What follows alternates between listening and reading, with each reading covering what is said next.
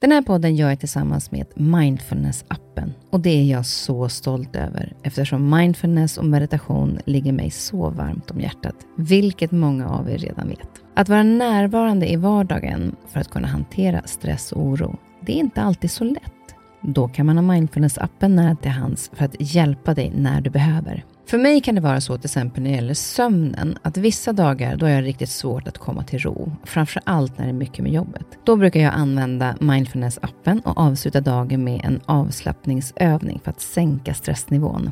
Det gör det så mycket lättare för mig att somna sen. Oavsett om du kämpar med sömnlöshet, stress eller bara behöver en stund för dig själv så har Mindfulness-appen verktygen för att hjälpa dig att slappna av och sova bättre. Appen är utformad för att passa in i din livsstil med korta övningar som passar även de hektiska schemana. Som lyssnare till Nyfiken på så får ni 40% rabatt på prenumerationen av Mindfulness-appen. Länk till erbjudandet ja, det hittar ni i poddens Instagram, kaspersen nyfikenpa. Eller så går ni in på themindfulnessapp.com kristin. Välkommen till min podd Nyfiken på. Här får jag chansen att möta människor som jag är nyfiken på utifrån deras historia, kunskap eller erfarenheter. Människor som jag inspireras av och förhoppningsvis kan vi med det inspirera er. Och om ni gillar avsnittet får ni jättegärna dela det så fler får chansen att lyssna och det ger mig också möjligheten att få spridning på podden så att jag kan fortsätta länge att bjuda in människor till roliga och intressanta samtal. Glöm inte att du också kan gå in och prenumerera eller följa podden så missar du inte när avsnittet släpps. 14 februari, alla hjärtans dag. Ja, det är en fin dag på många sätt och den närmar sig nu. För många singlar, i alla fall för de som inte vill vara singlar, är det kanske inte en höjda dag. Därför har jag bjudit in datingcoachen Linnea Molander. Hon har studerat positiv psykologi, coachning och neurovetenskap på universitetet i tre år. Och efter att sen ha ägnat ännu mer tid åt att studera social dynamik, lycka och attraktionspsykologi så blev coacha andra i dating hennes passion. Eftersom hon har studerat vad lycka är, var det kommer ifrån och vad det betyder att vara lycklig för att lyckas i kärleken, men också kanske i sitt jobb och såklart livet, så är jag nyfiken på hur man gör för att nå lycka i vardagen och också i livet runt omkring. Ja, jag hade så mycket energi efter vårt samtal så det är väldigt tydligt att det visar hur man påverkas positivt av en person som känner sig lycklig. Och vi singlar, vi får massor av tips av Linnea kring dejtandet. Men du bor i Stockholm annars? Ja, jag är flexibel till konceptet bo, men ja, det får man säga. jag älskar det med flexibel till vart jag bor någonstans. Vi ska faktiskt prata lite mer om det, men välkommen Linnea. Tack. Härligt att ha dig här. Det här känns så kul. Ja, verkligen. Det här är ett ämne som jag tror engagerar många. Eh, både att vi ska prata om lycka mm. och om dating. Ja. Eh, detta svåra ämne tycker jag. Men du tycker inte att det är så komplicerat? Jo, men det är därför jag har ägnat så mycket tid åt att räkna ut hur man kan alltså, klura ut det. Ja. Jag tyckte också att det här är ju helt obegripligt. Men så gjorde jag en insats för att det går att fatta. Man kan lära sig det här. Och Då blev jag ju helt såld på ämnet och sen dess har jag ägnat mina dagar åt att förklara det för andra. Men när, när man väl har lärt sig det, ja. är det komplicerat då? Nej, då är det kul. det är dit vi ska komma. Så ja. Det här blir roligt. Och I och med att det är alla hjärtans dag eh, om någon vecka, vad, vad känner du inför den dagen? Jag är flexibel till högtider också. jag är flexibel till det mesta. Att det, jag firar inte jul varje år. Eh, alla högtider är inte relevanta för alla människor. Utan Känner man wihoo inför alla hjärtans dag, fira precis som med jul. Och Tycker du inte att jul eller hjärtans dag, eller mors dag eller midsommarafton är skoj, skit i det och hitta på lite egna högtider. Sund inställning. Jag, tycker, jag gillar ju alla hjärtans dag på ett sätt för att jag tycker att men jag tycker att det är mysigt att fira och det är nästan svårt att inte fira kärleken. Men däremot så tycker jag också att det är jag har alltid firat till exempel så med mina barn att jag har lagt ut så hjärtan, godishjärtan på hela mm. frukostbordet, mm. typ, som dekoration, inte till frukost. eh, ska jag säga. Men alltså gjort någonting för dem. För att för mig spelar det ingen roll om det är en partner eller om det är en kompis eller någonting annat. Ja, och det är väl det att liksom hitta dina egna traditioner, både på liksom officiella högtidsdagar och andra dagar. Hur känns det nice för dig att fira kärleken? Men samtidigt också så här, när det är alla hjärtans dag, det är nästan svårt att undvika, för det är ju liksom hjärtan i varenda butik och eh, det kommer ut så här, ät din alla hjärtans dag-middag här och sådär. Mm. Eh, hur tycker du att man ska möta den om man är i ett par till exempel? För man kan ju också ha sina förväntningar Mm. på en partner till exempel, inför en sån dag. Ja, Hur, absolut. hur ska man tänka kring det tycker du? Jag tänker att man kan prata om det, skapa egna traditioner. Alltså inte bara gå och vänta sig saker. Utan har man en, delar man livet tillsammans så kan man ju prata om hur vill vi fira högtider? Hur gör vi på jul? Hur gör vi på alla hjärtans dag? Vad tänker vi om nyår? Och då kanske man inser att vi älskar jul, men vi vill bara sitta i pyjamas på nyårsafton. Mm. Man får göra som man vill. Det är fantastiskt. Ja, men många tycker ju det här med att bli överraskad är så himla härligt och då vill man inte säga vad man vill. Men då kan man ju inte heller förvänta sig någonting. Alltså, du får, kan ju uttrycka jag älskar när du överraskar mig. Och varje Mm. gång du blir överraskad så uttrycker du stor, stor uppskattning kring det. Ja. Det kommer ju inspirera den andra personen att överraska dig oftare. Precis, och jag älskar blommor. Så då, eller så man kan droppa lite saker som man tycker om. Så Ja. att den personen i alla fall vet vad de ska överraska med. Ja, och det behöver inte bara vara dropp, utan återigen, ska du dela ditt liv med någon, sätt dig ner och prata med varandra om vad gillar vi? Vad Mm. gör mig glad? När känner du dig älskad och uppskattad? Så kan man ha ett samtal om det, flera samtal. Det kan vara liksom en konversation genom hela livet. Hur gör vi för att älska varandra på bästa sätt? Så att man vet det om varandra. Och det, och det är också så en, en sak när man lever med någon, men sen så när man lever ensam, eller själv, man kanske också tycker om att vara själv, och den här dagen kommer upp, så kan det vara, kännas kanske ännu mer ensamt.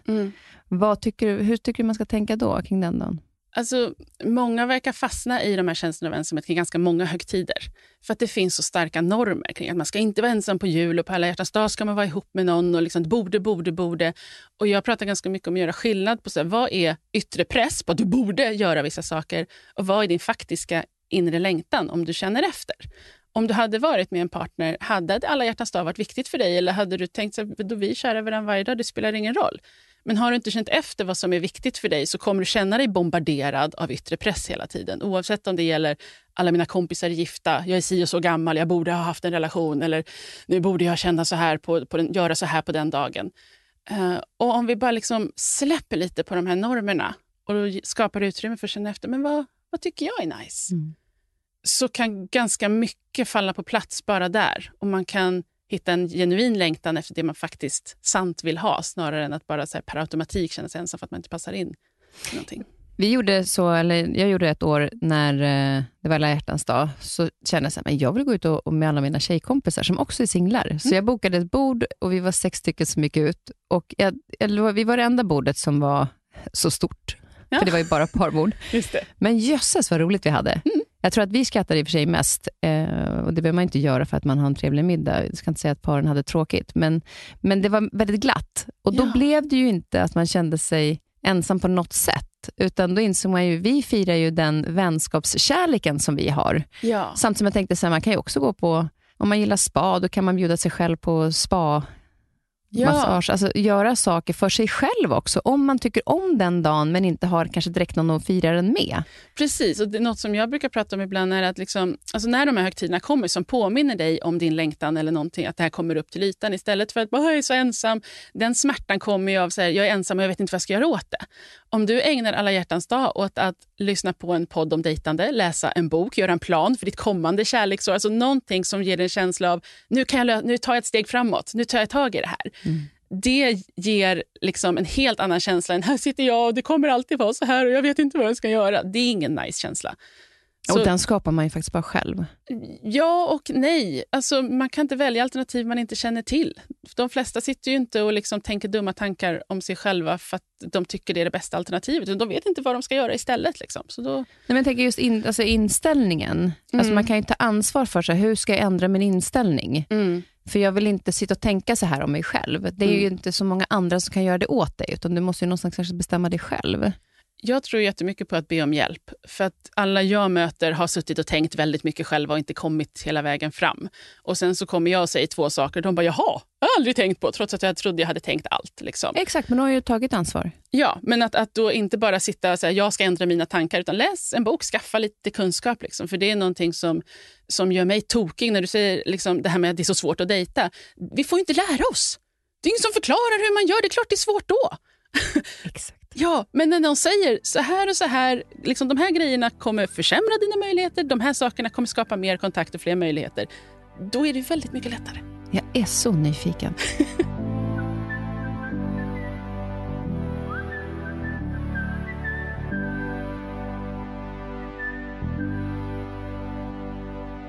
Innan vi kommer in på det här med dejtandet så tänkte jag att vi skulle prata lite grann om lycka. För det är också någonting som du har grottat ner i mm. och läst en hel del om. Ja. Vad skulle du säga, vad är lycka?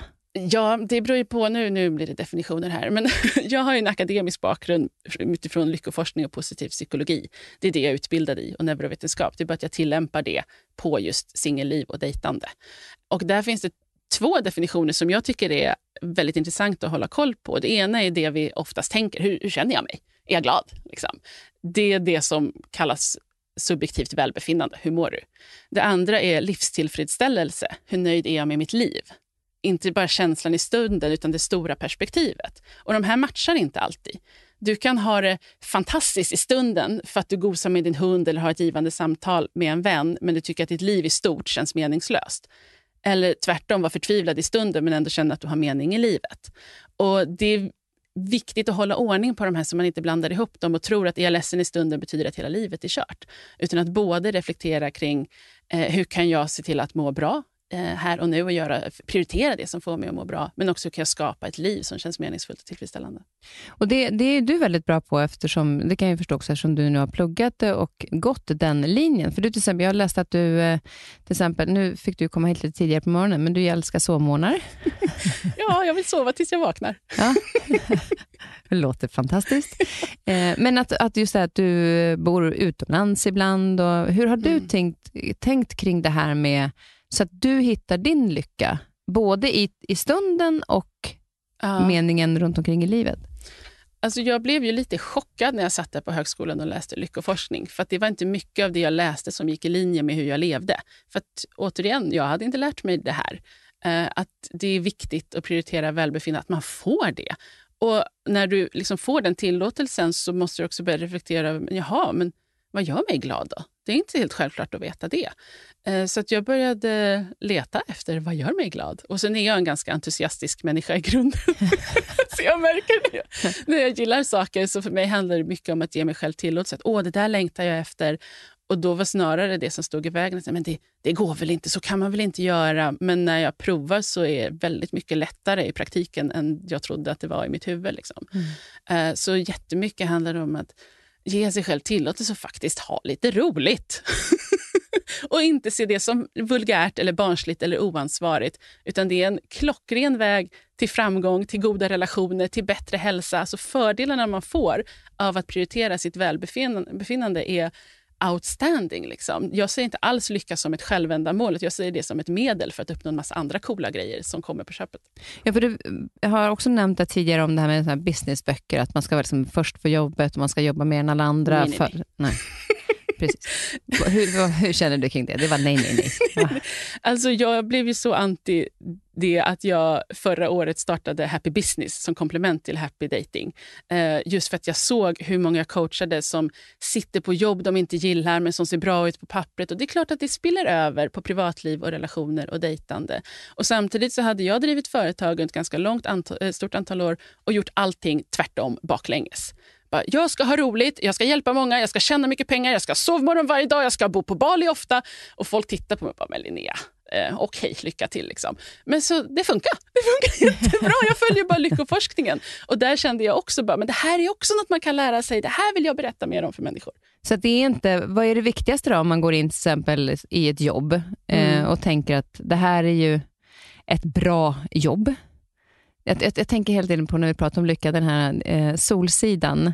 Mm. Där finns det var det en, eh, en sägning liknande, inte exakt, men, men citatet var att känna sig lyckad eller vara lycklig. Ja. Och så säger hon ja, eller både och kanske.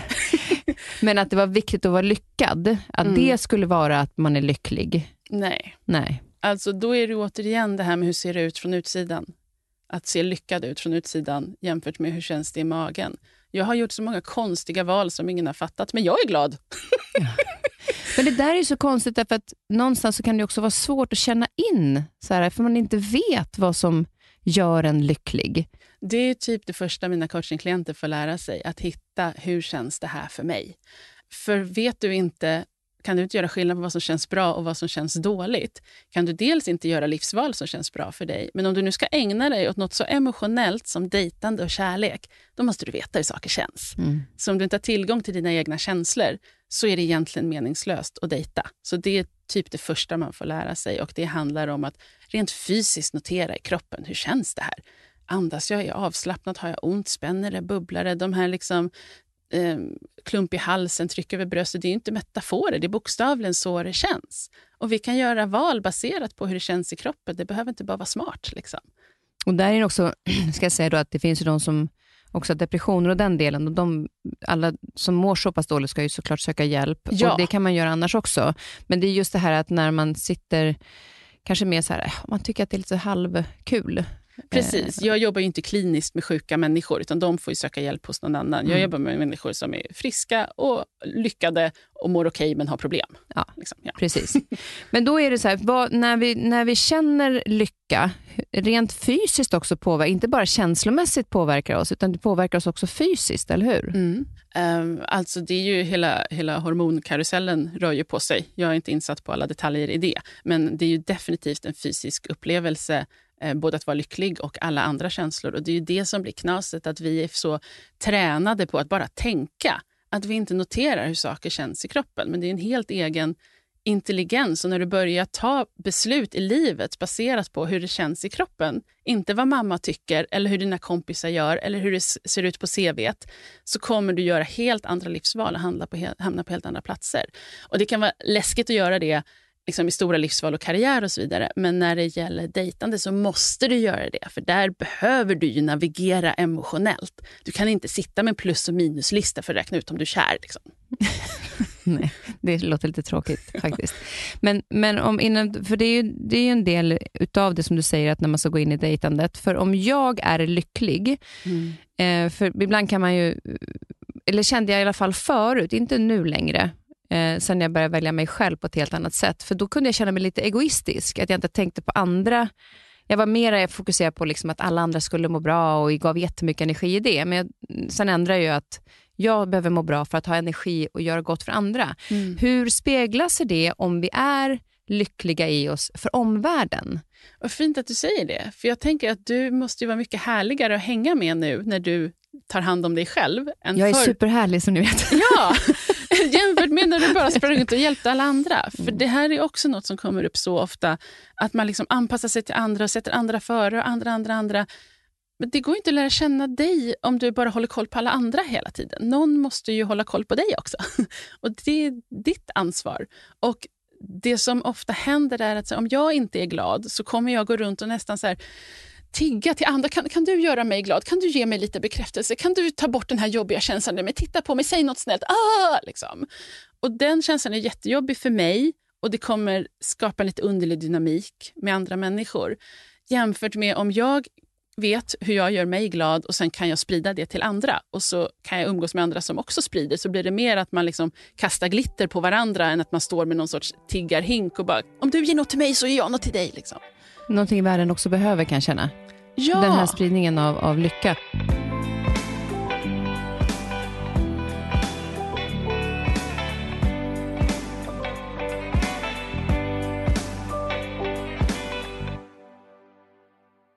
Eh, då kommer vi över till dating. Ja. Nu hör ni, lyssna här nu alla singlar som vill, som vill träffa någon, för det finns ju många singlar som trivs med det också. Det kan jag faktiskt fråga. Vi som är singlar som mår bra i livet ändå, men absolut jättegärna träffa någon, men det är inte så att jag inte jag har inte behovet av tvåsamhet för att göra mig lycklig. Nej. Blir vi lite lättare oengagerade i dejtandet? Jag tänker att det är olika saker. Man kan vara lycklig och oengagerad och man kan vara lycklig och engagerad. Ja, okej. Okay. Mm. jag fick min första lärdom. känner att det här, här kommer bli bra. Eh, okej, okay. men eh, innan man kommer till dejtandet så måste man ju överhuvudtaget träffa någon. Det är intressant att du säger det, för att jag menar ju att det finns ganska mycket man bör ha ordning på innan man börjar dejta. Ja, och vad ska man ha ordning på då? Sig själv. Ja.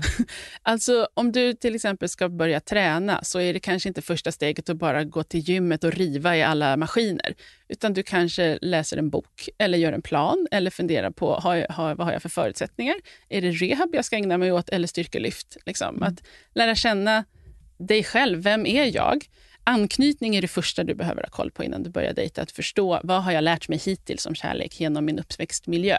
För väldigt ofta har vi fått med oss idéer om så här, så här måste jag vara för att bli omtyckt, för att det var det som gällde i vår familj. Det kanske inte alls är vad som faktiskt stämmer i verkligheten, utan det är vad, vad dina föräldrar krävde av dig eller du kanske behövde anpassa dig på ett visst sätt för att du var mobbad i skolan. Och så tar vi med oss de här idéerna om så här måste jag vara för att bli omtyckt. Men de stämmer inte alltid. Och då finns det väldigt ofta liksom god anledning att städa bort lite gamla idéer som inte stämmer. Till exempel, jag måste anpassa mig, sätta alla andra före mig själv och ta hand om alla andra. Det är vad jag måste göra för att bli omtyckt. Det stämmer inte. Då är första steget så okay, jag behöver träna bort det här som jag har gjort hela mitt liv och istället börja öva på att uttrycka mig autentiskt, vilket då innebär först och främst för egen del reflektera över vem är jag om jag ska dela vad jag tycker och inte bara hålla med. Mm. Och, då, och det är en sak. Vad, vad, kan det mer vara? Alltså anknytning, jag bara försöker tänka till här lite. Eh, det är en an, den här anknytningsgrejen, så man städar bort det som har varit. För det ja. kan ju också till exempel handla om att man eh, erfarenhetsmässigt i relation mm. Mm. har blivit sårad för att man har öppnat sig, inte för mycket, man har varit öppen ja. med sina känslor och så har man blivit sårad och det gör ju ganska ont då, när man verkligen så jag har verkligen visat vem jag är. Och mm. Då gör det ju väldigt, väldigt ont när man blir lämnad. Nästa gång så kanske man inte riktigt vågar visa vem man är. Nej. Men blir det inte svårare att, att anknyta med den personen, för du, den får inte en chans att lära känna dig förrän du är... Alltså det, Precis. Ja, men det är klockrent exempel, för den, det är en så rimlig slutsats att dra. Att så här, sist jag öppnade mig blev jag sårad, alltså ska jag inte öppna mig. Och Det är ett väldigt kantigt sätt att skydda hjärtat. För när vi, de saker vi gör för att skydda oss från smärta håller också det vi längtar efter på avstånd. För man tänker, jag ska inte öppna mig för att slippa bli sårad. Om du inte öppnar dig ökar risken markant för att du blir sårad. Du måste hitta ett annat sätt att skydda hjärtat. Till exempel öppna dig i ett annat tempo eller titta noggrannare på vem öppnar jag mig för. Ja, det finns massor av liksom andra nyanser i det här, men ofta så ser vi det så fyrkantigt. att Det här måste jag sluta med och så ska jag hålla tillbaka för då kommer det bli bra. Mm. Nej, Nej, vi, har, vi gör, alla konstiga saker vi gör, gör vi för att skydda hjärtat. Och när man får bättre sätt och kanske till och med släpper behovet av att skydda hjärtat, för risken finns absolut att du kommer bli ledsen. Och har du då verktyg för att hantera, möta de känslorna, vilket de flesta inte har, för det har vi inte heller fått lära oss, så vet du att worst case scenario är att jag blir ledsen och då kan jag hantera det. Men smärtan över att inte öppna mig och inte ta några möjligheter är större än den eventuella smärta jag måste ta om jag blir ledsen. Jag hade en sån här, när det gäller att skydda hjärtat, så att jag fick en, en bild beskriven för mig att man skyddar hjärtat liksom och bygger upp en liten mur kring den, mm. så att den inte liksom någon ska komma in och ta. Eh, och Då tyckte jag att ja, men det var ju jättebra, för då kan ju ingen såra mig så ont här inne. Men sen så vände jag mig och så tänkte jag från hjärtats håll, det var ju jättemörkt och tråkigt där inne. Ja hjärtat ville ju bara ut på något sätt, istället för att bli instängd och bara, Precis. hallå, kan du släppa ut mig? Jag vill inte sitta här inne, det är skittråkigt. Och inget bra kan ju komma in för, alltså bakom den där muren heller. Nej. Så vi kanske kan byta ut muren mot en liten grind. Exakt, ja. då ser man i alla fall igenom den. Ja, och den kan du stänga och markera att nej, nu, du, du är inte välkommen in här, men när någon kommer som du vill öppna så kan du öppna en liten stund och sen kan du stänga. Så man har liksom en flexibel öppenhet. Så kan man kika igenom de här staketpinnarna. ja, liksom. så är det, det är något spännande där ute, kom hit! men safea, lite. Sen det här med att människor säger, ja men det kommer när det är meningen. Jag bara, vadå det kommer när det är meningen? Då kan man ju vänta hur länge som Om inte jag, då går man då och väntar då på att det ska hända? Eller? Det där är ju bullshit, om jag får uttrycka mig så starkt. Och återigen så jämför jag med andra delar av livet. Om så här, åh, jag skulle så gärna vilja springa maraton. Ja, men det kom, Var det själv bara. Det händer när det händer. Va? Eller om jag säger, ja, jag skulle vilja byta jobb. Tänk inte på det så löser sig. Alltså, vi tänker i inget annat område av livet sätter vi upp, liksom, här är något jag längtar efter. Gör ingenting så ska du se att det kommer. Va? Och kärlek och relationer är ju något av det mest avancerande en människa kan, kan ägna sig åt. Det kräver verkligen färdighet och förmåga och träning och övning. Och Det kommer hända när du vet vad du håller på med. Och som du sa, är engagerad och faktiskt vidtar åtgärder, liksom skapar möjligheter. Och Sen finns det vissa människor som typ har trygg anknytning och det råkar hända när det händer. Precis som att vissa bara får drömjobbet eller råkar kunna sjunga utan att ha tagit en enda sånglektion. Vad kul för dem! Men vi kan ju inte ha det som liksom enda alternativ. Det kan vara plan B. Exakt. Men om du inte förhåller dig till din ekonomi, eller din träning eller din karriär med en attityd av det händer nog om jag inte gör något, då tycker jag inte att du ska ta den strategin för ditt kärleksliv heller. Så om jag då har förberett mig mer när det gäller anknytning, mm. eh, vad, vad, mer kan jag förbereda mig för inför att dejta? Hitta ett sätt att dejta som du gillar. Många tänker, jag ska dejta, jaha, då ska jag ut på Tinder. Ja, det är ett alternativ. Passar det dig? Tycker du det är kul? Och om du är på Tinder, vad skulle göra att det känns kul för dig? Men de flesta har inte reflekterat över att man kan dejta på olika sätt och liksom göra det man gillar. Utan det är så här, hur ska man göra?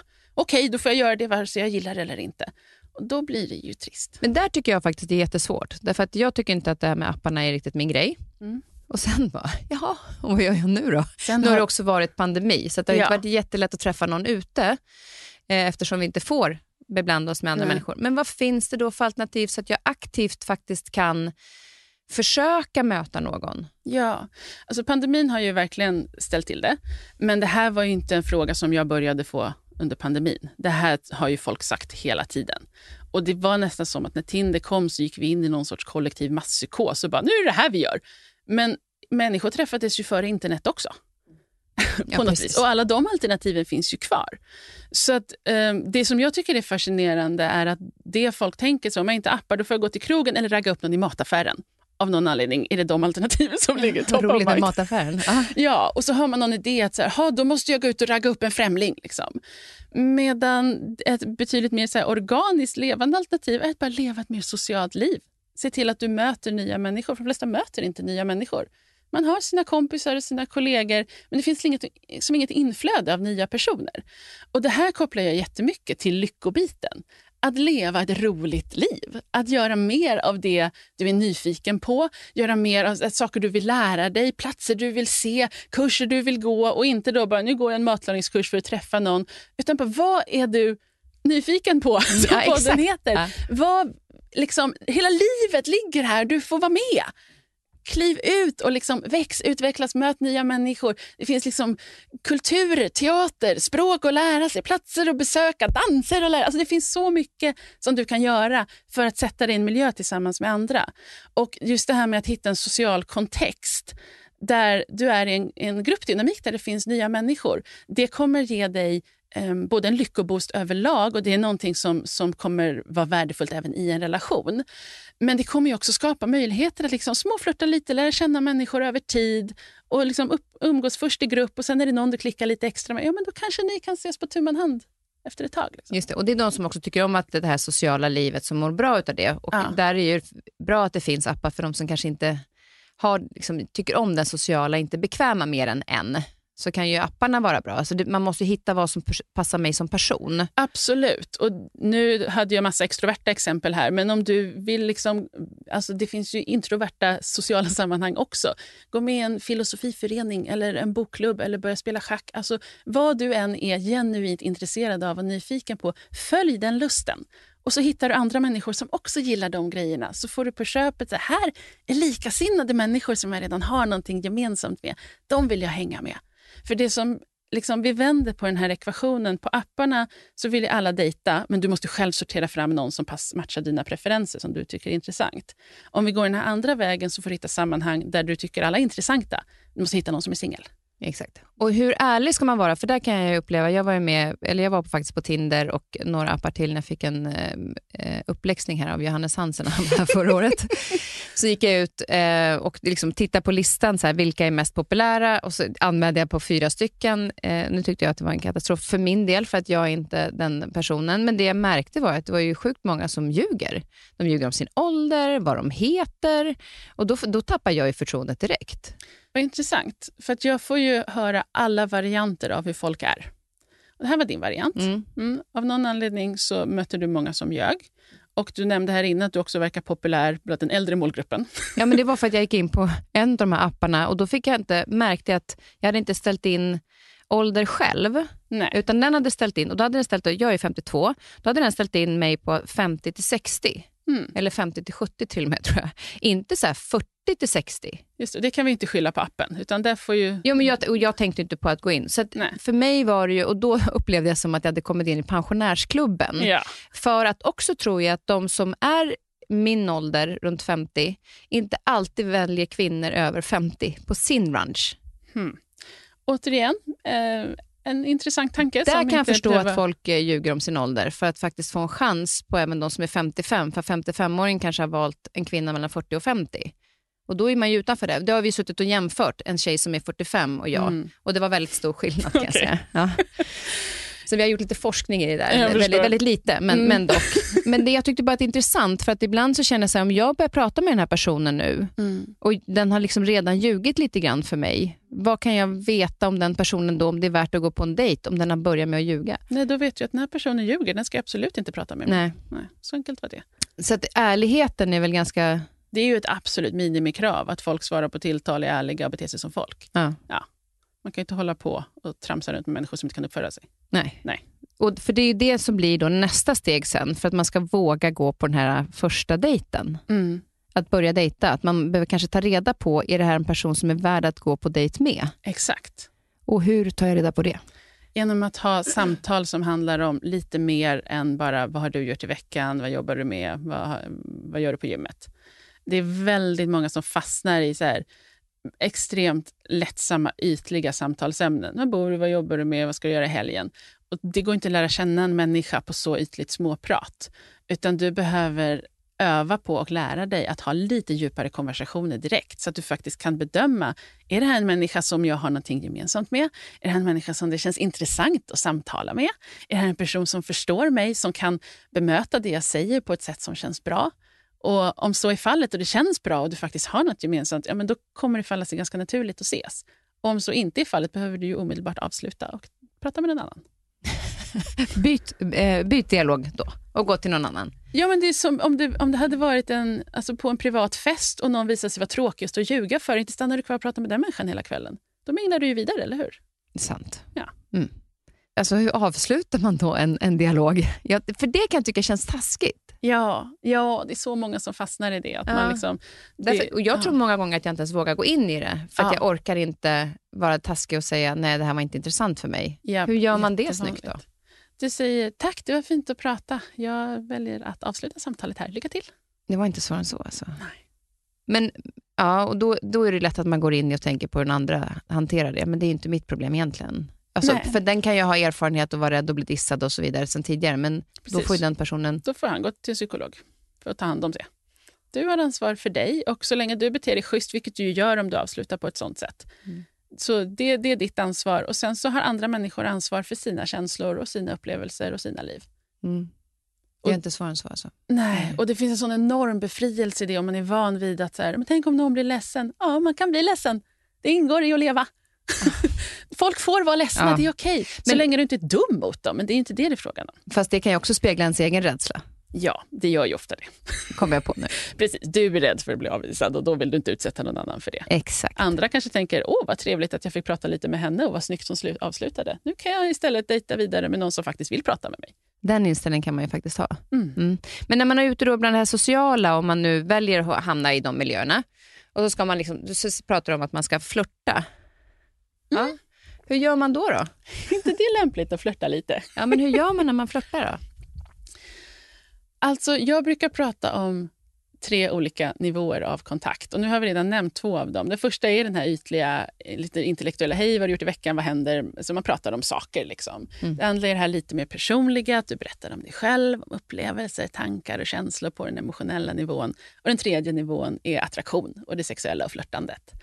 Och du behöver ha alla de här tre med när du dejtar. Kanske inte samtidigt på en gång med varje person, men du behöver vara medveten om att så här, om du vill ha både en emotionell kontakt med en partner och att ni ska ligga med varandra så behöver du ta reda på om ni kan mötas på de här olika nivåerna. Och ehm, för vissa är flörtande jätteenkelt medan det emotionella är läskigt och för andra är det tvärtom. Eh, men för att besvara frågan, flörtande handlar väldigt mycket om hur du känner dig. Att sprida en viss typ av stämning omkring dig. Um, är det okej okay om jag övnings, liksom, vad heter det, demonstrationsflörtar lite med dig? Ja. Vad spännande det här blev. Ja, gör det. Du blev alldeles svettig här. Ja. ja. ja, om jag först... Nu har vi suttit och pratat. Jag har varit ganska mycket på den intellektuella nivån och förklarat saker. Liksom. Om jag går ner på den emotionella så kanske jag lägger rösten lite annorlunda och så riktar jag mer av min uppmärksamhet mot dig och då skiftar kontakten mellan oss lite grann. Och du ler lite? Och så ler jag lite mer. Ja. Om jag nu dessutom kanske lutar mig lite framåt och lägger till någonting, både kroppsspråk och ton hade jag suttit närmare hade jag kanske rört vid det också. Märker du? Alltså, ja, stegvis hur, ja.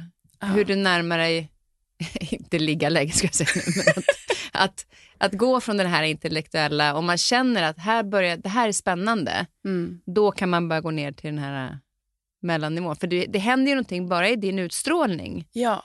ser ju jag, när Exakt. du gör det. Ja.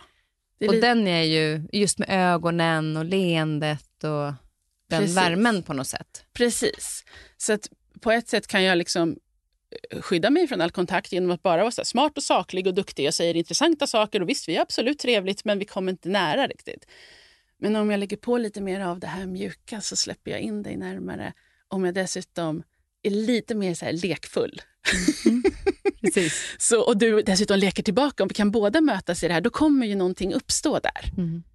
Och då blir det också den här när man har haft den lilla flörten kanske mm. och sen så eh, säger man, ja men vad trevligt att ses och så går man därifrån. Man kanske till och med har bytt nummer eller man har fått tag på. Vem hör av sig? Alltså när ska man höra av sig igen? När du vill. alltså det, det ja, men alltså, där kan, här med... ja, men jag, jo, exakt, men där kan jag brottas lite med den grejen helt ärligt. Därför att vissa säger ju att man ska vara lite spännande för att inte vara för på och, och så känner man så här, ja fast jag vill ju vara den jag är. Mm. Alltså där är återigen de här nivåerna, hur tar du initiativ? För att bry dig inte om, alltså vissa säger, folk säger väldigt mycket konstigt. Jag är mycket mer inne på det, men jag vill ju vara jag. Ja, det är klart det ska vara du. Men då är frågan om du hör av dig och säger, det här var trevligt, dig vill jag träffa igen, kan du på torsdag klockan sju? Liksom, då är du på den här intellektuella nivån och du är väldigt drivande. Jämfört med om du skickar, bara, det var trevligt att ses igår, flört-smiley. Och så lämnar du det där. Tagit initiativ, men du har inte varit så här superpushig. Liksom.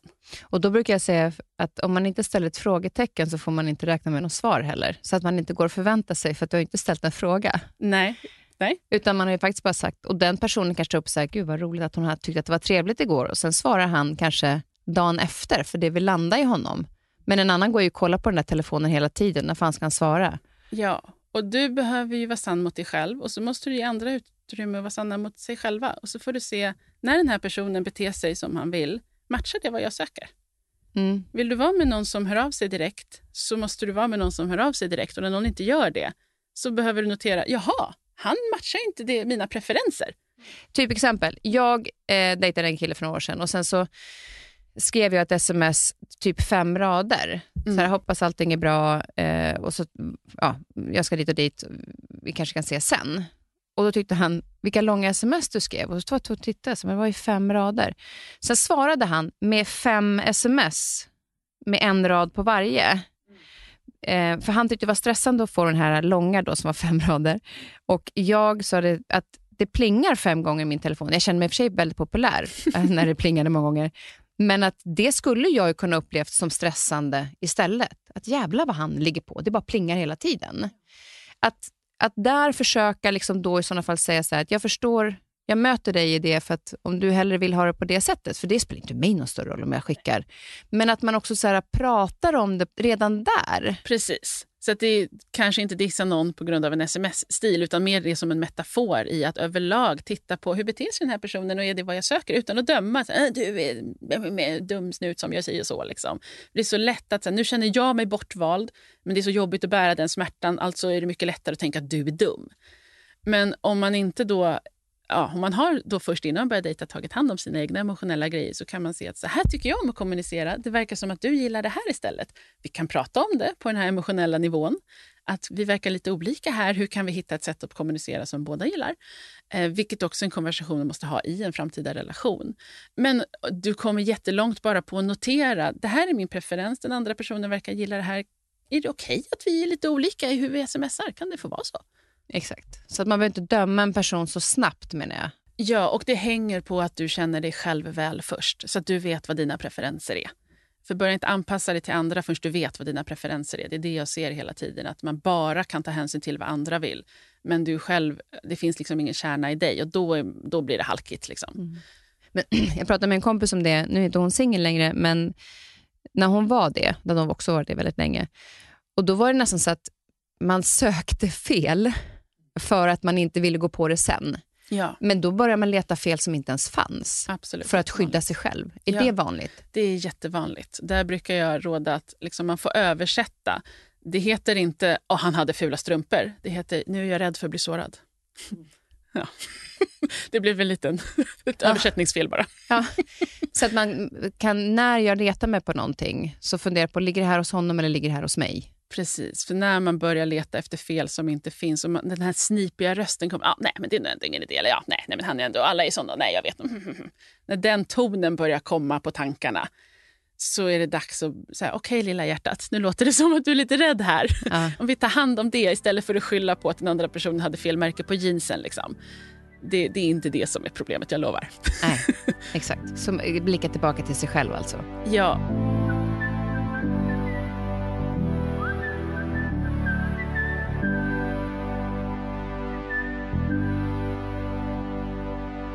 Om man ska gå på den här första dejten så det, finns det olika situationer man kan hamna i. Till exempel om man har varit på Tinder och man ska möta någon för första gången. Mm. Vad tycker du är de bästa platserna för att känna att man inte så här, åh gud, hur ska ta mig ur den här situationen om det inte känns bra? Jag tänker att en första dejt ska vara härlig. Mm. Du verkar vara inne på att undvika att det blir jobbigt. Ja. ja. you got me. Ja. Bara notera det. Mm. Um, och det du nämnde där med hur tar jag mig ur det här, det låter mer som att så här, återigen behöver du lära dig ta ansvar för dig och inte så, här, så. Det är ett inside job, det är inte en plats, det är inte en geografisk fråga. Liksom. Okej. Okay. okay. Så mm. det får du dela med innan du går på dejten. ja, men, precis. men jag menar om man så här, vi möts på en drink och känner vi att det funkar så tar vi en middag sen. Ja, men om jag tar en drink då blir det att jag tar den här middagen för jag vill inte dissa så snabbt. Alltså förstår du? Det, uh. Men det ligger hos mig istället för att ta den här drinken och känner man så här, vet du vad? Sätt dig inte och ta den här middagen om du inte känner att det känns bra när du tar drinken. Eller ska man ändå ge dig chansen? Tänker? För ibland kanske man dissar lite väl fort. Alltså Det låter som att du känner dig själv rätt väl. Och du vet vad du gillar och inte gillar. Men du ger inte dig själv riktigt tillåtelse att följa det. Och så har du fått för dig att det är snällare att lura ut någon på en middag fast de inte har en chans, än att bara avsluta. Mm. Det är inte så schysst. Nej, det är ju inte det. Nej. Alltså ärlighet är så jäkla nice. Det är mm. så mycket bättre att ta den där drinken med dig och du faktiskt gillar det och sen är dejten klar. Än att man har dejten och sen sitter du där mot din vilja och någon bara “Åh, hon gillar mig verkligen, det blev en middag också” sen blir man dum. Nej, men det är ju jättetaskigt. Var sann mot dig själv och så litar du på att andra vuxna män kan hantera sina egna liv och känslor. Just det, så att, men, men då kan jag ju säga att vi tar en drink, sen behöver jag inte nämna att man kanske ska äta middag, utan det får bli så i sådana fall. Precis, du kanske bara vill ha en drinkdejt. Ja, eller med att man går på en promenad. Mm. Hur ska man veta ungefär vad som är den rätta? Ska man liksom ta den dialogen med den personen? Så här, vad skulle du vilja? Eller ska man föreslå? Jag tänker att du får föreslå någonting som du tycker är kul. Mm. Och så får den andra personen föreslå något som den tycker är kul. Och så får ni se om ni kan komma överens om något. Men de flesta fastnar ju så här, drink, promenad, fika. Man kan göra precis vad som helst på en dejt. Mm. Jag har varit på, på Ikea-dejter.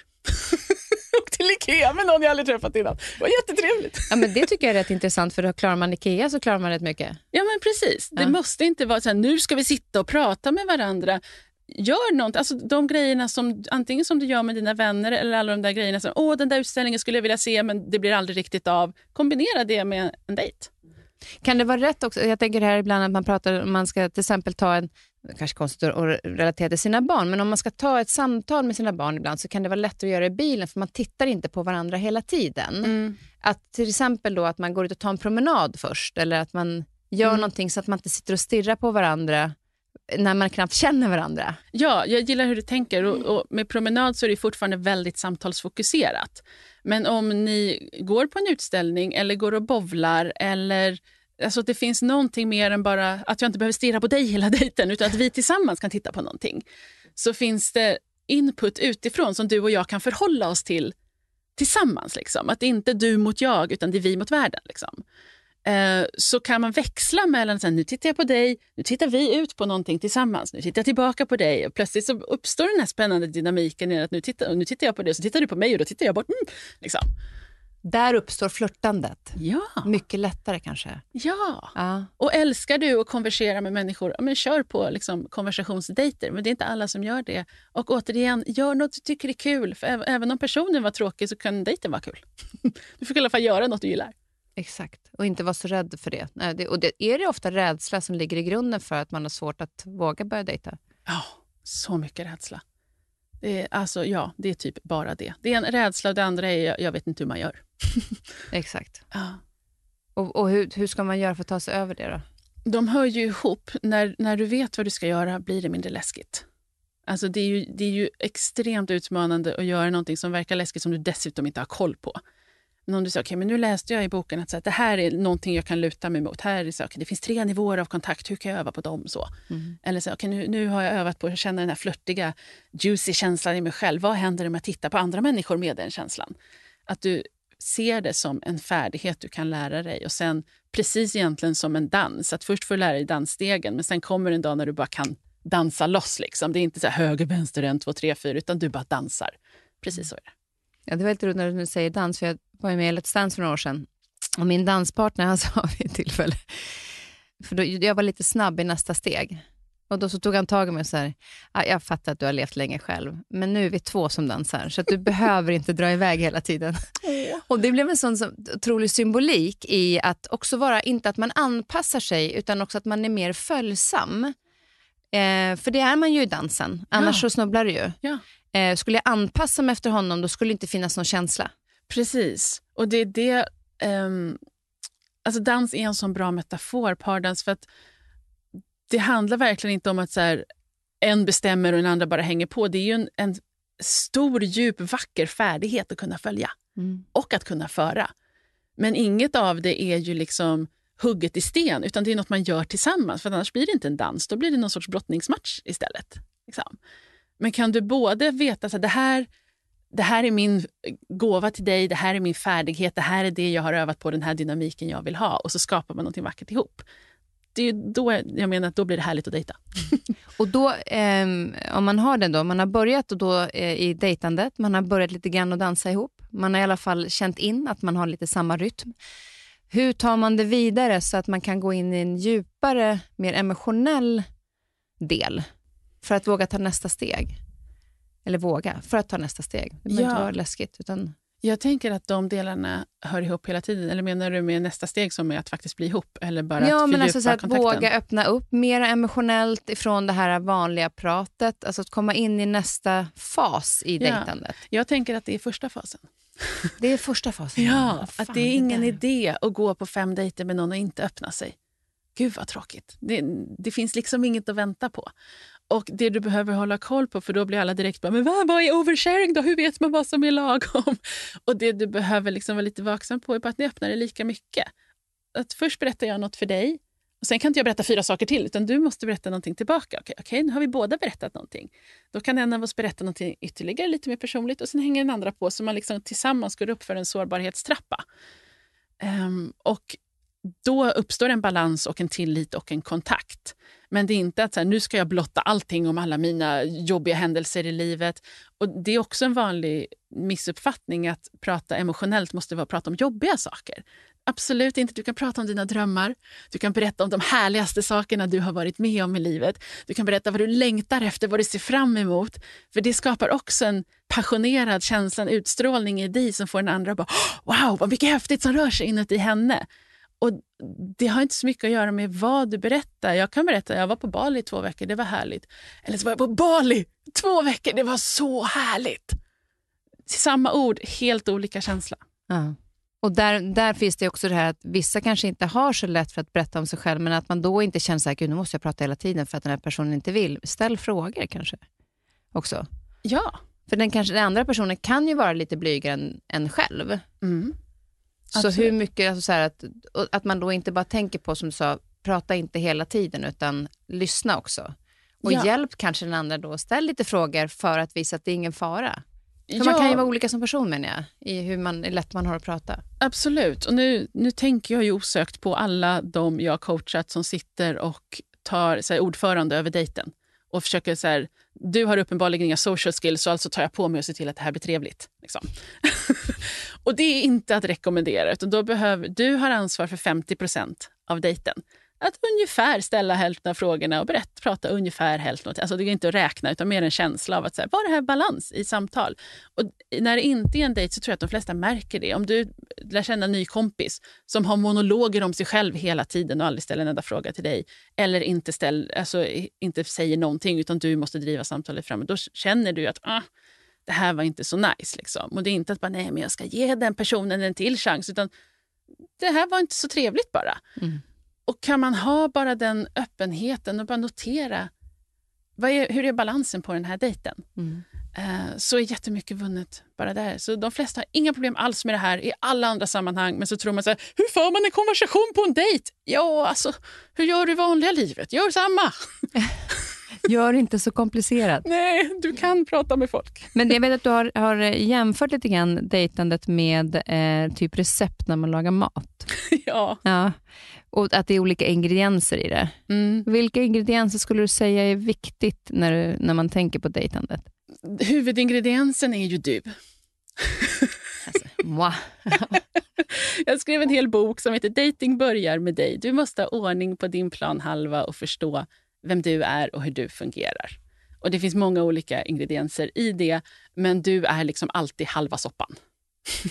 ja. Ja. Och den andra halvan av soppan är en annan människa som du då får ta reda på. Vad finns det för ingredienser hos den här människan?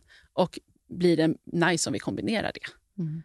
Så det är ens egenskaper mer du tänker i, i den, det receptet så att säga, för att få till en bra dejt? Så jag, tänker mer, jag kommer tillbaka till preferenser snarare än egenskaper. Att du vet vad du gillar. För det finns så- sånt fokus på att säga, jag ska hitta någon annan där ute. Ja, fast här är du. Och så bara, vad gillar den personen? Hur ska man göra? Ja, fast vad gillar jag? Hur skulle jag? Vad är min definition av en bra dejt? Älskar jag att liksom dricka bubbel och ha samtal en hel lördagkväll med någon? Toppen, kör på det. Eller skulle jag föredra att så här, spring, gå ut i skogen och springa intervaller i backen med någon och sen så sätter vi oss i skogen och dricker varm O'boy? Är det min definition av en bra dejt? Eller, inte vet jag, vill jag gå på en föreläsning och sen käkar vi middag och diskuterar det? Att utgå från vad tycker jag är nice? Vilken typ av människor gillar jag att hänga med? Vad tycker jag om att göra? Och så integrerar du det i ditt dejtande och dejtar människor som gillar samma. Och där kommer vi tillbaka då till egentligen när man ska försöka träffa någon, att gå på sådana ställen eller göra saker som man själv tycker är roligt. Ja. Alltså går du på en föreläsning eller eh, går du på en konstutställning eller någonting, så finns ju möjligheten att träffa den som har likasinnade Precis. intressen och, och någonting att prata om. Ja. Så att man hittar dem där, så vet man ju lite grann redan, den här personen gillar i alla fall samma saker som Mm. jag vid sidan av jobbet till exempel. Exakt, exakt. Och en jättestor fördel med att röra sig i sociala kontexter är att ah, människor känner fler människor. om jag tycker du är härlig så kommer jag förmodligen gilla dina kompisar också. Ja, precis. Och om, om jag träffar någon som bara, nej den personen var upptagen, då släpper jag den människan. Då går du miste om den personens alla kompisar och kusiner och kollegor också.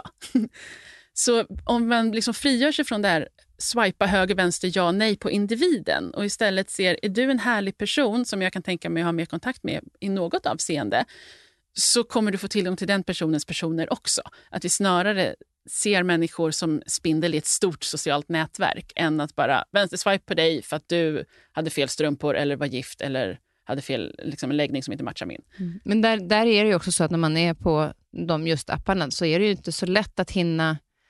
Där blir ju väldigt mycket utseendet egentligen det första man kan gå på. Ja, nu pratar jag om när du är på en föreläsning eller Ja. i schackklubb eller så. Liksom. Just det. Ja. För att på, på, på de apparna så har man ju egentligen bara utseendet att gå på i första steget. Det finns ju möjlighet att skriva en text också. Mm, du ser, jag är superpåläst när det gäller det här. Alltså, jo, men om du ska, om du ska liksom bli en match, mm. har jag, har jag fattat fel nu? Om man ska swipa, är det höger man swipar om man gillar någon? Ja, just det. Ja, om jag swipar höger. Jag måste ju swipa först för att, eller kan jag skicka ett meddelande till någon som jag inte ens vet om jag matchar med? Nej, på profilen så finns det ju dels flera bilder som i den bästa av världar inte bara visar här i mitt ansikte utan här i mitt liv. Mm. Och till det så finns det en text där personen har beskrivit sig själv. Vilket innebär att det här är ju mer än du får när du bara ser någon i ett socialt sammanhang. Där ser du bara utseende. Ja, och nu ger du lite tips på hur man ska lägga upp eh, för att det ska bli intressant för någon att, att Ja. matcha dig. För ibland så kan du ju se någon och så har de skrivit glad och så står det noll mer. Synd, vänster. Så enkelt var det. Eh, och sen också de här med bilderna, för det säger ju rätt mycket. Men att det är bra då att visa lite grann hur ens liv ser ut. Man ska inte vara rädd för det, utan inte bara bilder på sig själv kanske, utan även att man kan se, det kan vara sig själv men i olika sammanhang. Gillar man gå, på, gå ut och vandra på fjället, så ta en bild därifrån. Precis, men också att du kan ju fylla ditt fotoalbum med vad du vill. Du kan ha din favoritdikt där. Mm. Eh, eller en tavla du har målat. Eh, eller ett skämt du tycker är kul. Och en selfie. Där har du liksom fyra delar av dig som säger mer än de flestas profiler gör. Och jag vill verkligen trycka på att när folk bara, man ser, det är ju bara en bild att gå på. När du möter någon i verkligheten, visst du kanske kan känna hur personen luktar, men alltså där har du ju verkligen bara utseende. Det står ju inte i pannan på folk att säga jag gillar att klättra och skriver poesi på fritiden och det här är viktigt för mig och så har jag en hund och två barn. Det framgår ju inte när du möter någon i ett socialt sammanhang utanför liksom analogt. Men det kan du få veta av någon innan du ens har sagt hej på en app. Just det. Och sen är det väl ändå ganska bra att bilden på sig själv är så sanningsenlig som möjligt. Så att, Självklart. så att när man möts inte får en chock över att man ser ut på något annat sätt. Nej, nej. Utan att den är ju, var, var ärlig där återigen. Ja, alltså återigen, dating börjar med dig. Det du har är dig själv Ja. att erbjuda till världen. Och det absolut paketera det på ett tilltalande vis. Men ljug inte. Nej. nej. Ljug inte.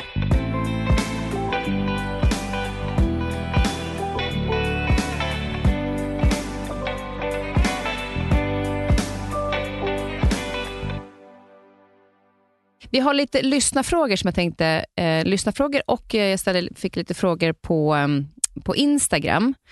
Eh, och där var det lite grann så här, vad pratar man om på första dejten och vad pratar man inte om? Det kan man säga, det finns något man inte pratar om, det är, man behöver inte prata om alla negativa saker, eller vad var det du sa? Prata om det du tycker är intressant att prata om. Mm. Alltså, jag vet inte om du börjar märka, så här, jag, jag är lite tjatig. Du, du hur har ska en lyckopositiv psykologi. ja, ja, men alltså, vad ska man göra? Gör det du gillar.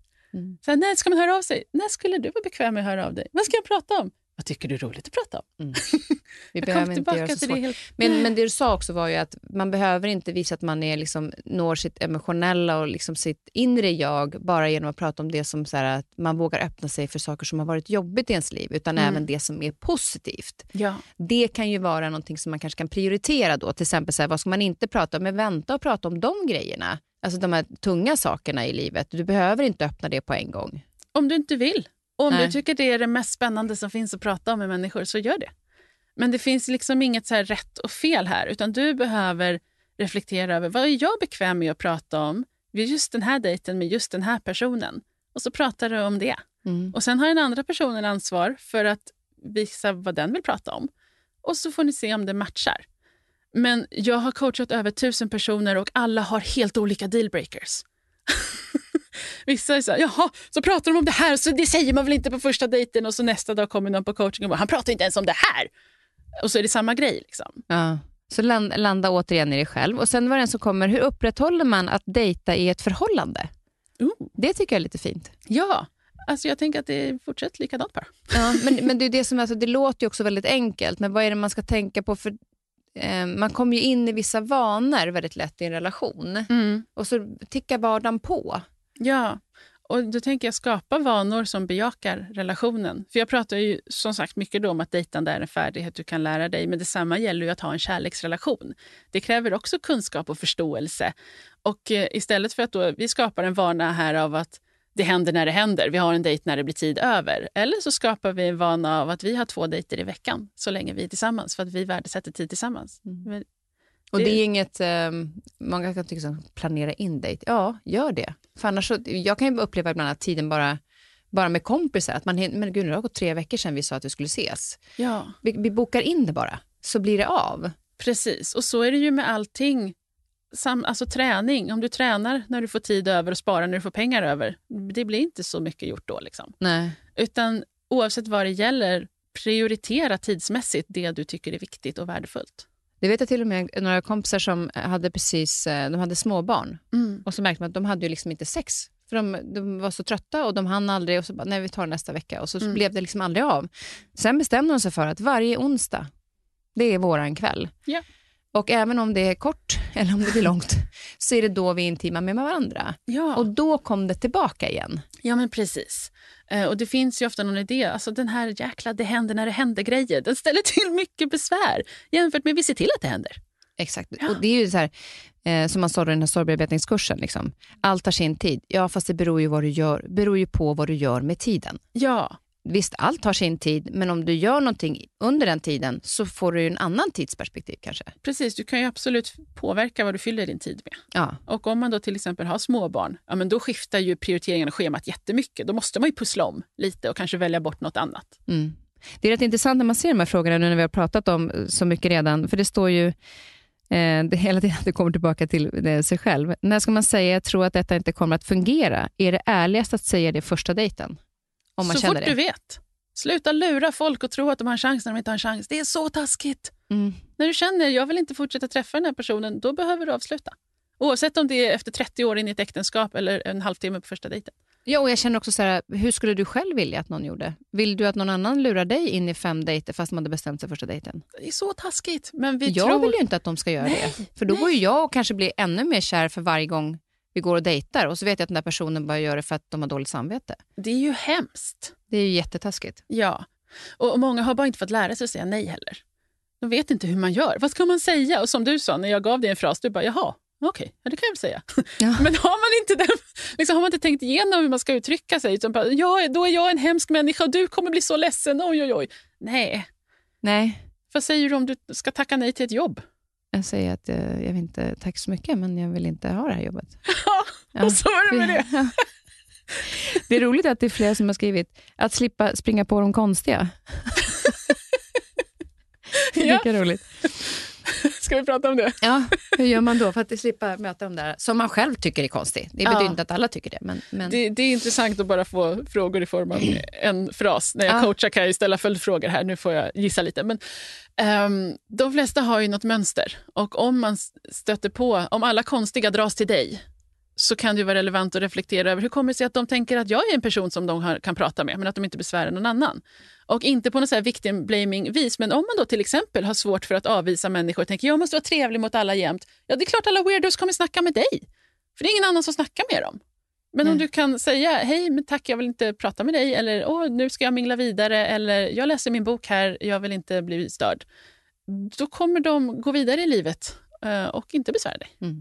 Så, så eh, var ärlig men, och framför den varsamt. Eh, sanningen bara. Att man kan göra det på ett trevligt sätt. Alltså, jag sitter och läser min bok, det är okej att jag, är okay att jag Man behöver inte vara så här, men du dra. Det kan man ju säga om någon är jobbig. Men, Ja, Nej, men alltså, och det, är, alltså, det är så många, framförallt kvinnor, som har blivit så tränade i att jag ska vara behaglig mot alla jämt. Om jag inte är det så är jag en dålig person. Vilket gör att man blir helt hjälplös inför allt som kommer emot. Man kan inte sätta några gränser, man kan inte ha några preferenser utan då blir det här mörka, ljuga, lirka, slingra sig. Liksom, för det är det enda man känner till. Så en superviktig färdighet som du behöver ha för att kunna säga ja till någonting när du dejtar är förmågan att säga nej. Och gå då en sväng i terapi, läs en bok, googla lite, lyssna på en podd så att du har lite verktyg och får öva praktiskt. Alltså gå hemma och säg nej tack, det passar inte. Nej, vad roligt att du frågar men jag vill tyvärr inte. Så att du får de orden över läpparna. Så att det inte är liksom första gången när du ska säga det i en verklig situation. Och sen finns det de som, ehm, till exempel när de ska avsluta, bara slutar höra av sig överhuvudtaget. Om man skickar ett sms så får man aldrig mer något svar. Ja, det är ju ett oskick. Det är dåligt va? Ja, nej, det är ju inte okej. Då, då kan man svara det. Jag börjar greppa det här nu, men du kan i alla fall säga tack för... Alltså, du behöver inte uppfostra människor som beter sig illa. Okej. Låt dem gå och dumma sig någon annanstans. Men, men det är så lätt att du kanske hoppas fortfarande, det jag menar, att det är skönt för en själv att så här, bara få ett avslut. Och Då får du ha det mellan dig och dig. Du behöver inte skicka ett meddelande till den andra personen och bara nu har jag förstått att du har ghostat mig. Nej, Utan det får du säga till dig själv. då. Skriv en lapp och sätt upp i spegeln. Och då tänker man så här, när det har gått en vecka, då skiter jag i det. Eller gått två dagar så skiter jag i det. Ja, när det inte känns kul längre. Nej. Nej. Och det är också så här, nu har inte han svarat på några dagar. Nu skiter jag i det här. Nu går jag vidare. Ja, Eller så- jag, nu har inte han svarat på det idag. Alltså när man själv känner att man börjar oroa sig för varför han inte svarar. Det ska man ju inte ens hamna i känner jag. Nej, alltså, och bara då konstatera att så här, Åh, jag vill gärna dejta någon som svarar på tilltal. Vad Ja. synd, den här personen matchade inte de kraven. Mm. Okej, då får jag dejta någon annan. Och där tycker jag det är intressant. Det här som jag kom på för några veckor sedan, att, att det här med att vara bortvald och vad jag själv väljer. Att där i det läget ska man kunna känna så här, gud han väljer bort mig. Mm. Men istället så kan ju jag ju ta ansvar för, så här, vill jag ens välja någon som inte ens svarar? Ja. Nej, det vill jag inte. Och då är det också mycket mera, då väljer jag ju mig Ja. och inte fokus på att han inte har svarat. Precis. Eh, Det, det blir en mycket skönare besvikelse. Jag, jag gjorde samma insikt för många år sedan. När jag sa varför, varför får jag inget svar? Jag, jag, jag. Liksom. Till att bara, åh nej, du kunde inte ge mig det jag ville ha. Gud vad tråkigt. Nu blev jag ju besviken. Jag som trodde att du var mycket... Åh, jag trodde ju att vi kunde, det kunde bli något här. Vad synd att du inte var det jag trodde att jag var. Okej, men då vet jag det. Mm. Men jag behöver inte anklaga så här, jag får inget svar och för fel på mig, bla bla bla. Utan bara, aha, vad tråkigt att du inte... Attans, vad synd att du missade den. Lägg inte energi på den personen. Nej, blir du ledsen, ta hand om det. Ja. Men, men den personen Och det är okej få... att vara ledsen. Ja, det är så okej att vara ledsen. Och det kommer ingå. Ja. Om du ska ägna dig åt dejtande så kommer du bli arg och ledsen och besviken ibland. Precis som i en relation. Mm. Och Du kommer också bli förälskad och överlycklig och euforisk ibland. Och det ingår. liksom. Men Man- vi behöver våga lite. ja, Mm. ja. Vi behöver våga lite. En tjej från eh, Ulrika hon skriver att eh, lite grann det här med Stockholm och storstäder som hon undrar lite. Mm. Om du ser trender som visar att Stockholm har en kallare datingklimat än andra mindre städer och samhällen. Alltså, det är ju lättare att försvinna i mängden och ghosta i en plats med massor av människor där du kan gömma dig. Liksom. Om du bor på en plats där alla känner alla så går det inte att ghosta, för ni kommer ses imorgon på byn. Liksom. Ehm, så det finns ju en, en bara så populationsaspekt av det. Men överlag så har inte jag så stort fokus på så här, det geografiska eller så killar och tjejer eller så stora samhällspopulationsnivån. Utan mer så här, vad funkar för dig? Vad, Mm. Hur tycker du? Hur känns det i ditt klimat att dejta? För att jag utgår mycket från Stockholm. Många jag coachar bor i Stockholm och alla har helt olika upplevelser av att dejta på samma plats. Men det, och det är väl mer bara en upplevelse kanske. Och det, jag- jag undrar om inte också det är lite, kan jag, eh, för det kommer en hel del frågor om just det här med pandemin, Mm. att nu under två års tid, att det har varit ett tuffare klimat generellt. Mm. Man går ut och bara, men vart möts vi någonstans? Vi möts ju ingenstans, för det finns ingen folk Nej. att möta. Och möter man någon så sitter, ser man någon så sitter de ju, alltså det är sån avstånd hela tiden. Ja. Eh, så att det kanske blir, för att i småstäder å andra sidan, jag har en kompis som, som eh, bor uppe i Ljusdal och där, menar, hon känner alla. Ja, så att hon vet vilka alla är. Och det, har inte funnits, det är svårare då att hitta någon när man har känt alla och man vet. Ja, Alltså det är inte så att det dyker upp några nya människor på samma sätt som man har möjlighet att lära känna. Dejtar du lokalt blir det ju så. Och det är ju då internet är nice, för där har Mm. du tillgång till bokstavligen hela mänskligheten ett klick bort. Eh, så vill du bo på en liten plats kan du ändå... Alltså allt det vi pratade om är så här, var nyfiken och gör de grejer som intresserar dig. Det kan du göra online också. Att du kanske dansar lokalt i den by där du bor men sen är du med i ett internationellt dansforum på nätet. Där kan du också träffa människor. Just det. Så våga ta sig utanför den lilla ort man har. Precis, om du trivs där. Mm. Eh, vissa bor ju på platser där de inte vill bo och kanske skulle må bättre av att flytta på sig. Men om du bor på en plats där du vill vara men ändå vill träffa nya människor, då är ju internet eh, kalas. Mm. Men inte nödvändigtvis bara apparna, utan hela internet är ju bokstavligen ett community. Det finns ju hur mycket möjligheter som helst. Och sen har vi en här som, är, som eh, hur, hur man tar sig ur sin comfort zone och stänger sig, slänger sig ut i datingvärlden. Hur ska man våga ta sig ut i, i com- ur sin comfort zone? Åh. Ehm, jag blir så här varm och öm i hjärtat av någon som bara nu, nu, nu hoppar jag ut här i det kalla vattnet. och jag jobbar jättemycket med att ta pytte, pyttesmå steg. Som, alltså mer så här doppa tån och sen går du upp på land och vila lite. Sen nästa gång kanske du kan doppa hela foten. Och Det är det jag menar med att det finns ofta mycket datingfärdigheter att lära sig innan man faktiskt börjar dejta. För många är det stort att bara öva på ögonkontakt Mm. mer. Eh, eller att jaha, emotionell kontakt, att prata mer personligt om mig själv. Ja, men då, jag har en kompis som jag tror jag kan öva lite på. Toppen, börja där. Eh, eller att bara så här, okay, men jag, jag ska inte vara på Tinder, men jag testar att bara skriva en profiltext. Jag googlar några tips och så skriver jag någonting. Jag ska inte posta det, men jag skriver det. Och så har du gjort det. Då kan du vila lite. Okej, men om jag, post, om jag lägger ut den nu i 24 timmar och sen tar jag bort den. Liksom att du tar små steg framåt hela tiden som du klarar av. För ofta finns det, både för så här, av läskighetsskäl men av också färdighetsskäl, så finns det steg att ta innan man bara kastar sig ut. Liksom. Mm. Så att jag vill inte, absolut inte tvinga ut någon utanför bekvämlighetszonen i, i bemärkelsen kasta sig ut, utan bara ta ett litet steg varje dag så ser du var du hamnar. Och Det där med ögonkontakten är ju också eh, intressant, för det är lätt att när man får ögonkontakt med någon att man viker undan istället. Ja. För man blir lite blyg och det här känns jobbigt, istället för att bara ge ett leende tillbaka. Oavsett om det leder till någonting eller inte så är det ändå trevligare att möta någon med ett leende än att ja. man vänder bort blicken. Och Det är så intressant, med de här, apropå de här konstiga sakerna vi gör för att skydda hjärtat. Många beter sig direkt otrevligt. Och så, men är det inte lite vulgärt att gå runt på stan och titta på män, eller kvinnor eller människor? Så här. Nej, det är otrevligt att låta bli. Ja. vi kan väl ändå lägga nivån vid grundläggande artighet om vi börjar där. Nej, det är okej att säga hej och titta på folk och le. Det är, det är, det är högst rimligt. Liksom. Det är inte vulgärt eller inbjudande på något vis. Mm. Uh, och när man har övat vid det, okej, här, så här beter jag mig mot alla, ja, men då kanske du kan säga hej, le och ta ett steg framåt när någon ställa en fråga när någon är extra intressant. Mm. Men ofta behöver man bara höja grundnivån lite grann. Och många kan ju koppla det här med dejtandet att, man är liksom, att det krävs en hel del mod. Mm. Om man vill bli lite modigare, handlar det återigen om att träna då?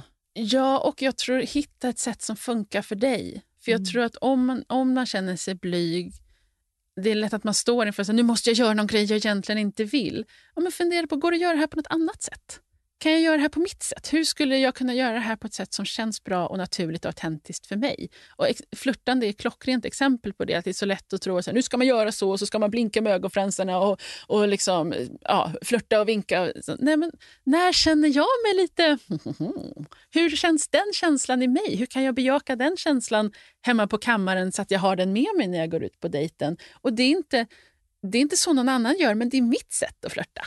Så hitta sitt eget sätt och bli trygg i det. För ja. då krävs det ju inte lika mycket mod om man är trygg i sig själv på det sättet. Precis. Och Det här går att tillämpa på så mycket. Att så här, hur gör man för att våga gå på en dejt? Men vad skulle du vara bekväm med? Att om dejten var en halvtimme, om vi fick göra något du tyckte om, skulle det vara okej? Okay? Om du inte behövde sitta och prata i tre timmar på en skrikig bar som du inte trivs. Liksom. Vad gillar du? Mm. Jag tänkte om vi gör så att eh, även i, när det gäller dejtandet, vi pratar om att sammanfatta till fem punkter eller tre, vad du mm. känner att du... Eh, och så lägger vi ut det på Instagram. Och Sen så också sammanfatta lite grann med dating. Mm. Vad, vilka fem punkter kan man tänka på att ta med sig? Mm. Eh, så kan jag lägga ut det på poddens Instagram mm, eh, under den veckan vi sänder. Ja, är det okej? Okay? Det blir jättebra. Ja, men vad bra. Ja. Nu, jag, jag, undrar ju lite grann vad, vad, du är nyfiken på. Oh, just nu är jag nyfiken på nervsystemet. på vilket jag, sätt då? Um, jag har varit så inne på liksom hjärnan och psykologi och liksom det mentala så länge att jag nu är jättefascinerad av kroppen och specifikt nervsystemet. Jag tog min första kalldusch igår. Ja. min andra i morse. Hur var det? um, det var mindre vidrigt än jag trodde, men det gav också mindre effekt än jag trodde. Så jag tror jag måste in lite längre. Nu testade jag bara 30 sekunder igår och en minut idag. Jag tror jag måste in lite fler minuter. På vilket sätt, vad var det för effekt du ville Ja, men det är ju så himla upphaussat att man, så här, man får en quick så här, mental klarhet och, och boost, vad heter det? mood boosting. Och, alltså, det ska ju vara bra mot precis allting och man ska få en helt annan känsla i kroppen och aldrig mer frysa. Och, och så. Jag vet inte, det var så himla upphaussat tyckte jag med alla fördelar. Eh, och jag kände mig mest varm och gosig en kvart efteråt men sen var rätt likt som vanligt. Men då kanske man ska testa, jag går ju på sån här kryokammare ja. där man går in i minus 87 grader. Hur länge står man där då? Tre minuter. Jag funderade faktiskt på det. Ja, och ja. Det är en helt annan grej än att... Eh, jag har också badat kallbad ja. och då klarade jag, alltså så här, när det var i isvak klarade jag, då var det ju fyra grader. Då klarade jag typ, ja, jag räknade väl till tio typ och försökte andas. Jag, en gång på Bali Första gången jag badade kallbad var på Bali. Det är lite roligt. Ja. men då satt jag faktiskt tio minuter i sjugradigt vatten. Ja, men då fick du gå upp i Bali-temperatur sen? Ja, eller, men då går man över och sätter sig direkt i ett varmt bad efteråt. Ah. Men det här med det som blir skillnad i en sån här kryokammare är att det är torr luft. Precis, man slipper bli blöt. Ja, du slipper bli blöt, men det blir alltså, 87 grad, minusgrader. Ah. Det är skillnad mot när du badar i kallbad som är ah. fuktigt. Ja. Det är därför som det blir Kylan blir mycket värre. Mm. Jag tycker att för mig har det, ger det en jätteeffekt återhämtningsmässigt Mm. att eh, köra. För nu har jag testat två gånger i veckan under sex veckor. Okej. Och eh, jag jobbade jättemycket under december och jag skulle nog inte ha pallat det på samma sätt om jag inte hade kört det där. Jag hade, jo, det hade jag gjort, men jag hade varit mycket tröttare. Okej, då En är det det. In, Ja. i en liten, in i kylskåpet med mig.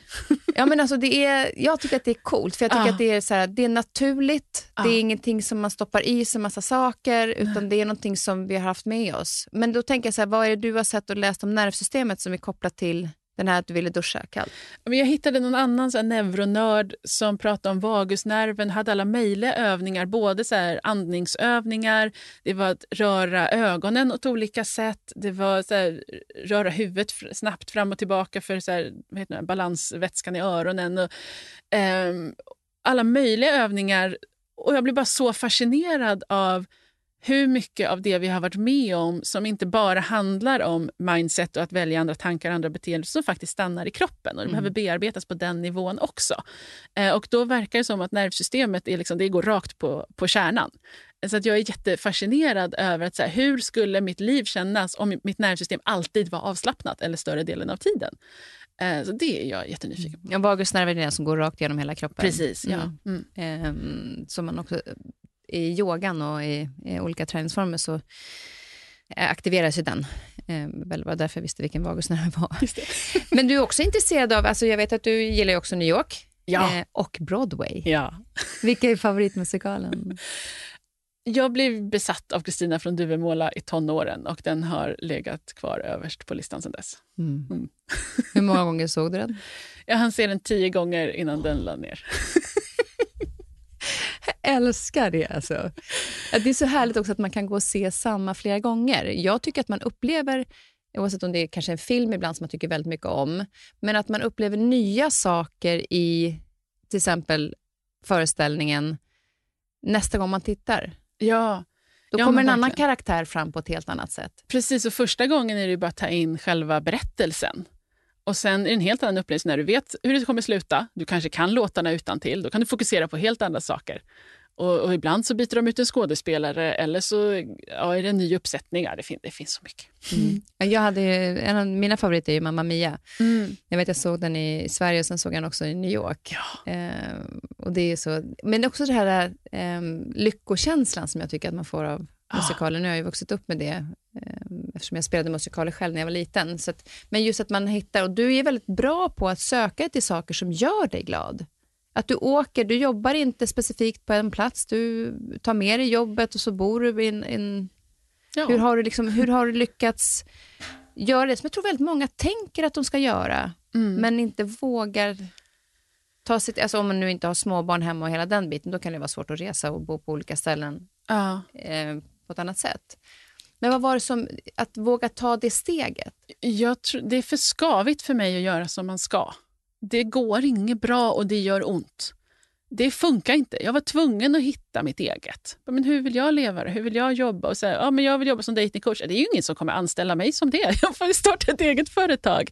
Och så, men hur, var vill jag bo? Hur vill jag leva? Och titta på andra människor som lever normbrytande och liksom plocka ihop min egen godispåse. Och jag tror mycket handlar om dels någon insikt om att här, men här sitter jag på liksom den mest privilegierade platsen och tiden i världen och historien. Liksom, vad kan jag göra av de möjligheterna? Både för att jag ska må bra men också för att bidra till andra. Att jag faktiskt ser men det finns möjligheter här. Um, och Det andra är att jag har gett mig tillåtelse att prioritera det. Och det var verkligen, alltså jag har så här, specifika situationer när jag satt och pluggade till en viss tenta med lyckoforskning och så att jag läste där i boken att bara, men jag måste ju ha roligt innan jag kan plugga för att hjärnan funkar bättre när jag är glad. Så gick jag och tog en fika med en kompis istället för att plugga och sen när jag kom tillbaka gick det mycket bättre att plugga. Och det här gick ju emot allt jag hade lärt mig. Jag hade ju bara så pushat, pushat och man ska vara duktig först och så ska man kanske ha roligt sen. Och så vände jag på det och kom på att det funkar bättre. What? det är klart jag fortsätter med det då liksom. Att ha liksom roligt under hela... Alltså mera under hela resan. Ibland är man så fokuserad på ett kanske ett specifikt mål, men att låta det vara roligt under vägen också till målet. Jag kommer inte fram om det inte är roligt. Jag Nej. kommer fram jättemycket snabbare när det är roligt. Alltså, du måste ju inte anstränga dig och så peppa dig och motivera dig för att göra något du älskar. Om du älskar det, bara köra. Alltså kör bara. Du, du har ju eh, din bok ja. eh, Dating med dig. Stämmer. Och eh, när man går till dig så säger du att det tar fem gånger. Ja, vanligtvis. Vanligtvis. Ja. Till att våga, våga gå ut eller bli bra på att dejta. Eller hur, hur benämner man? alltså, lösa sina datingproblem brukar ja. jag kalla det. Inte så nödvändigtvis träffa en partner, för det är inte alltid målet.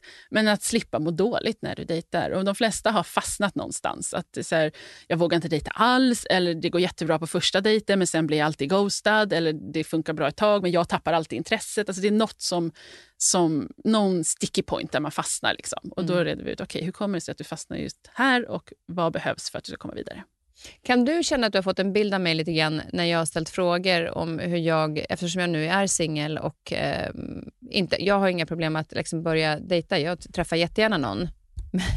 Men hur ska jag göra för att göra det då? För jag har inte, jag har inte gjort det. Alltså, vad, vad skulle du ge mig för tips under den här timmen vi har pratat när du har märkt vilka frågor jag ställer? Det är väl kanske två saker som har skvallrat lite. Det ena är det här med att undvika att det blir jobbigt istället för vad skulle vara härligt.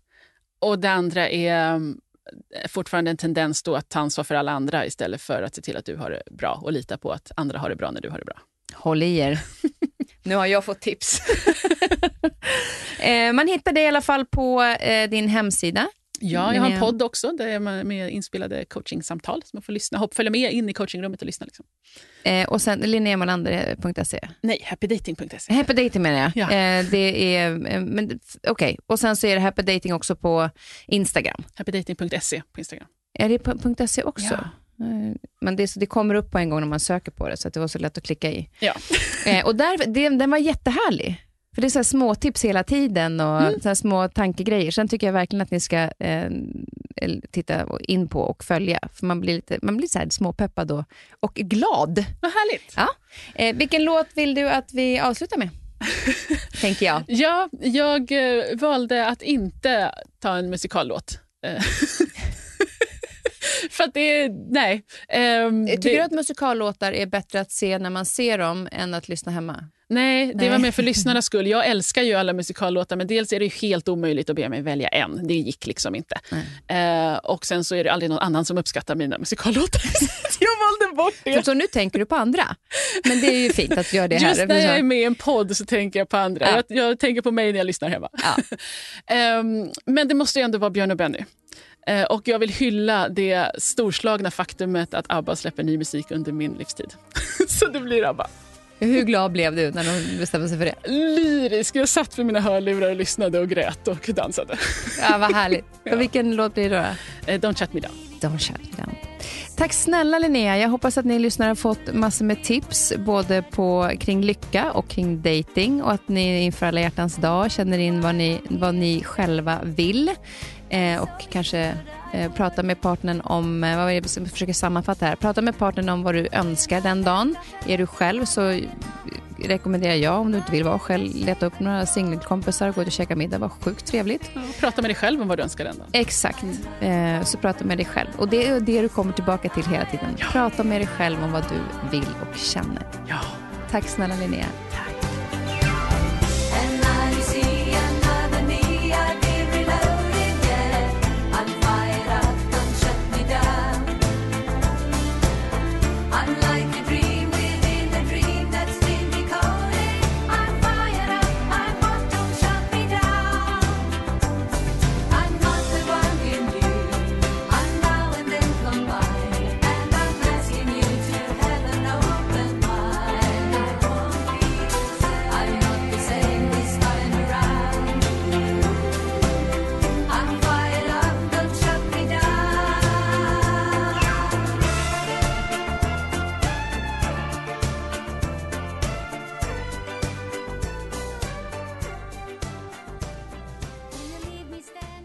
Den här podcasten är producerad av Perfect Day Media.